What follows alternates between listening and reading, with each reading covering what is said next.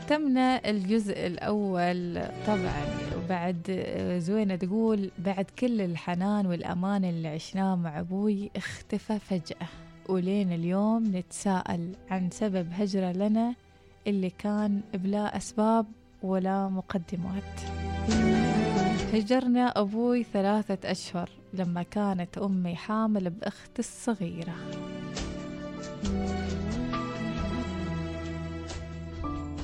وكان وضعنا صعب جدا لأبعد الحدود لأن أمي ما كانت تشتغل وما في حيلتها غير المصروف اللي كان أبوي يعطينا إياه.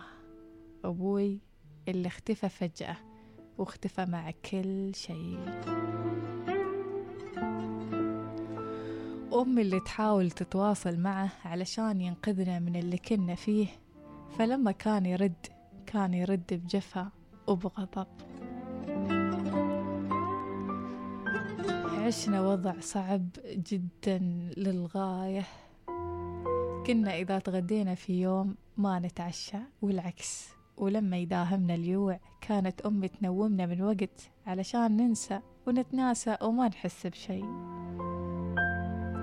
تنطفئ الكهرب علينا وننام في الحوش وأحيانا يخلص علينا الماي نجلس بالأيام وما نتسبح.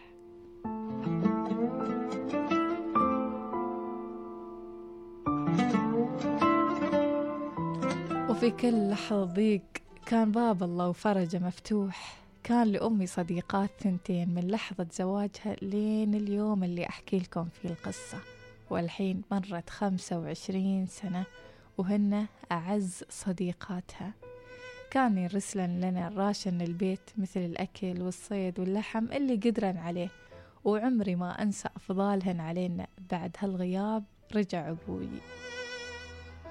وولدت أمي بالسلامة وتو وتم أبوي يجي ويروح بشكل متقطع. ورجع اختفى مرة لحد ما رجع. وقتها خذ جوازة وقال لأمي بطلقش. طبعا المسكينة أمي كانت تحسب إنه كان يمزح بس فعلا راح لشيخ القبيلة وطلقها في ظهر الغيب بدون سبب. طلقها طلقة واحدة. تقول زوينة في قصتها انتقلنا بعدها في بيت جد نعيش. كان الوضع في الفترة الأولى صعب شوية لكن الحمد لله بكل الأحوال أمي كانت قوية وعرفت تربينا صح رغم كل الظروف. فترة الانفصال الأولى كانت طبعا في بتكون في المحاكم علشان تسوية نفقة وغيرها لكن أبوي كان يساومها ويقول سمعي يا سعاد أنصحك تختاري يا تبين الفلوس يا أني أسحب ولدك واخذه معي. ردت عليه أمي حشى علي أني أختار أني أعيش بعيد عن ولادي سندي ونور عيني في هالدنيا. روح ما أقول غير حسبي الله ونعم الوكيل.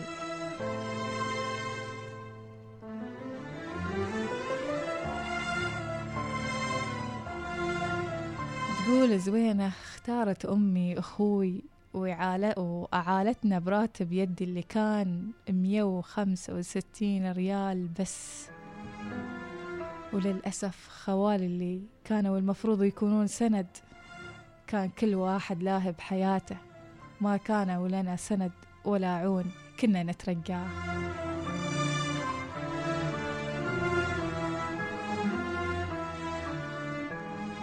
كمل قصتها زوينة وتقول مرت الأيام من الصبر والضيق.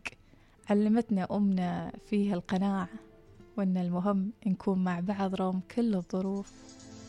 توصل لحظات يكون ما عندنا مصروف حتى للمدرسة فأخليها تعطي أخوي وأنا أقولها إني بصبر أهم شيء أخوي يكون بخير.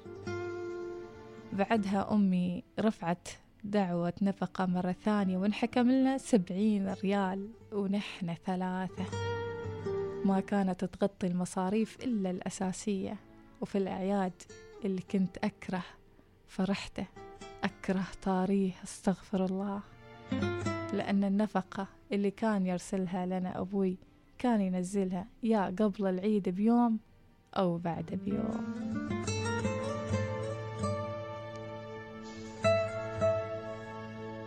وتقول زوينة ما كان ينقذنا غير أصحاب الأيادي البيضاء اللي كانوا يعرفون بحالتنا وحالة والدتي. فكان شخص يجينا ياخذ أخوي السوق يفصل له يشتري له ملابس شنط وشنط مدارس وكماليات وغيرها.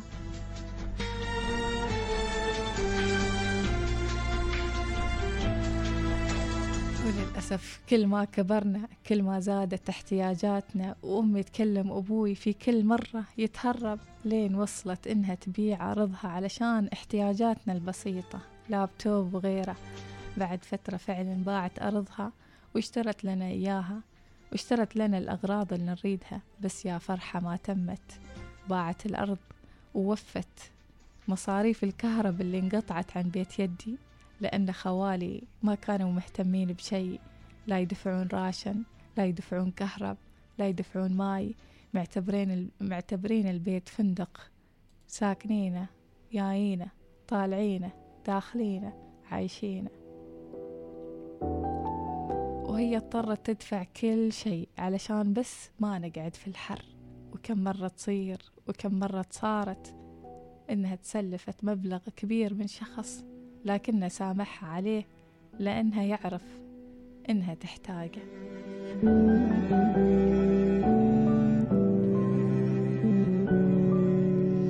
تقول زوينة رغم مرضي وتعبي ومشاكلنا كنت شاطرة ودايما أطلع الأول في الصفوف.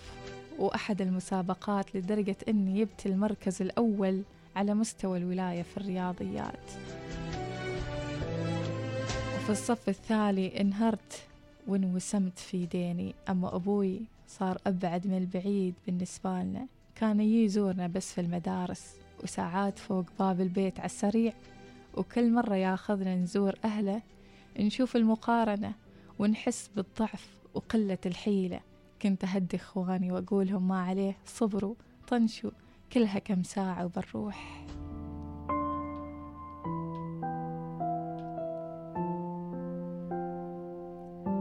تقول في صف تاسع صار اللي ما حسبناه الحساب طحت أقوى من قبل. خسرت أربعة عشر كيلو خلال شهر ونص.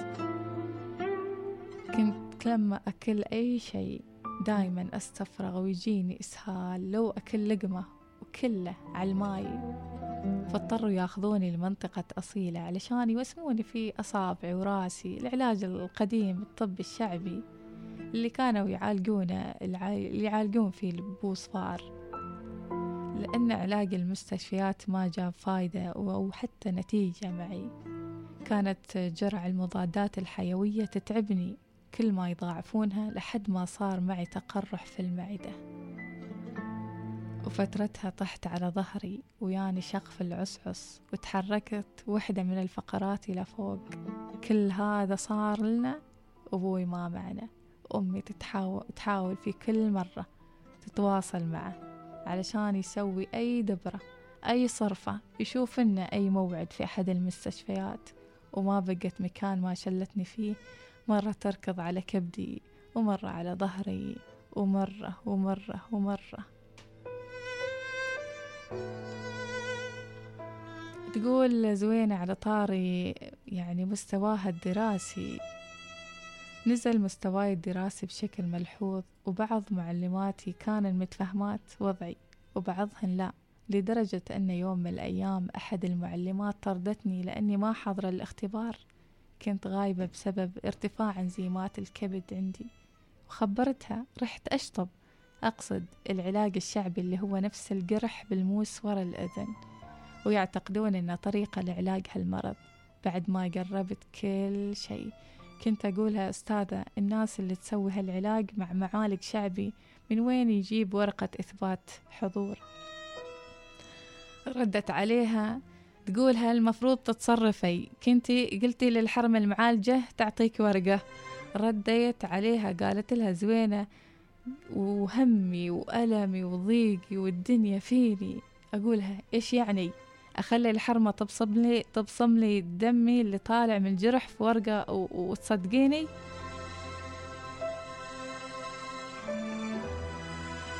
طردتني بعدها من الصف والحمى أحسها تسري في جسمي وتلف حواليني وتذبحني. خذوني بعدها للإدارة. المعلمة اشتكت علي إني طولت لساني وسالفة طويلة عريضة ما حلتها غير. لما جات امي وفهمتهن كل شيء.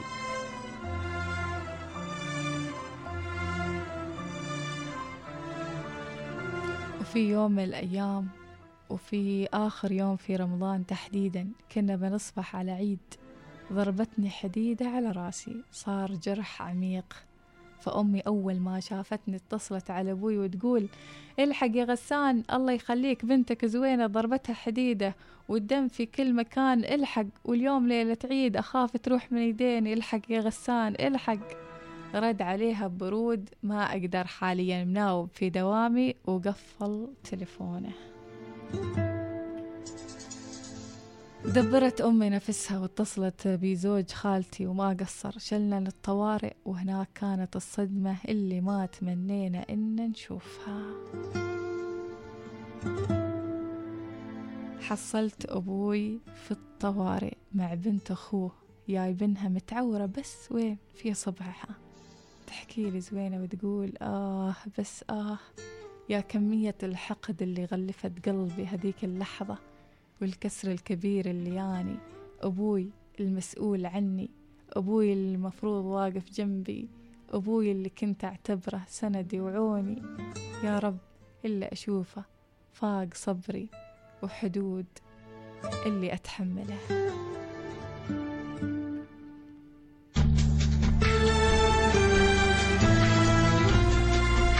وكل ما زادت المصاريف زادت طلباتنا.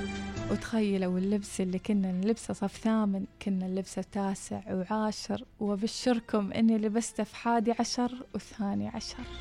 أمي علشان كل هذه الظروف قررت إنها تقدم تلجأ للمحكمة وتطلب زيادة نفقة.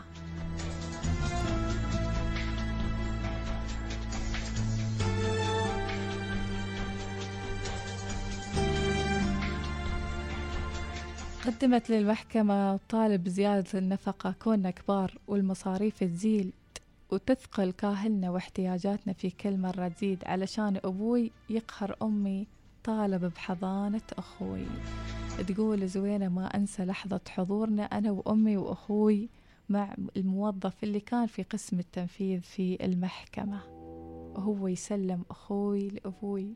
أمي تشوف الموقف. ما بيدينها غير إنها تنهار وتقول رجعوا لي ولدي عبد الله الله يخليكم الله يخليك غسان لا تاخذه خليه معي ما عندي غير الله يخليك.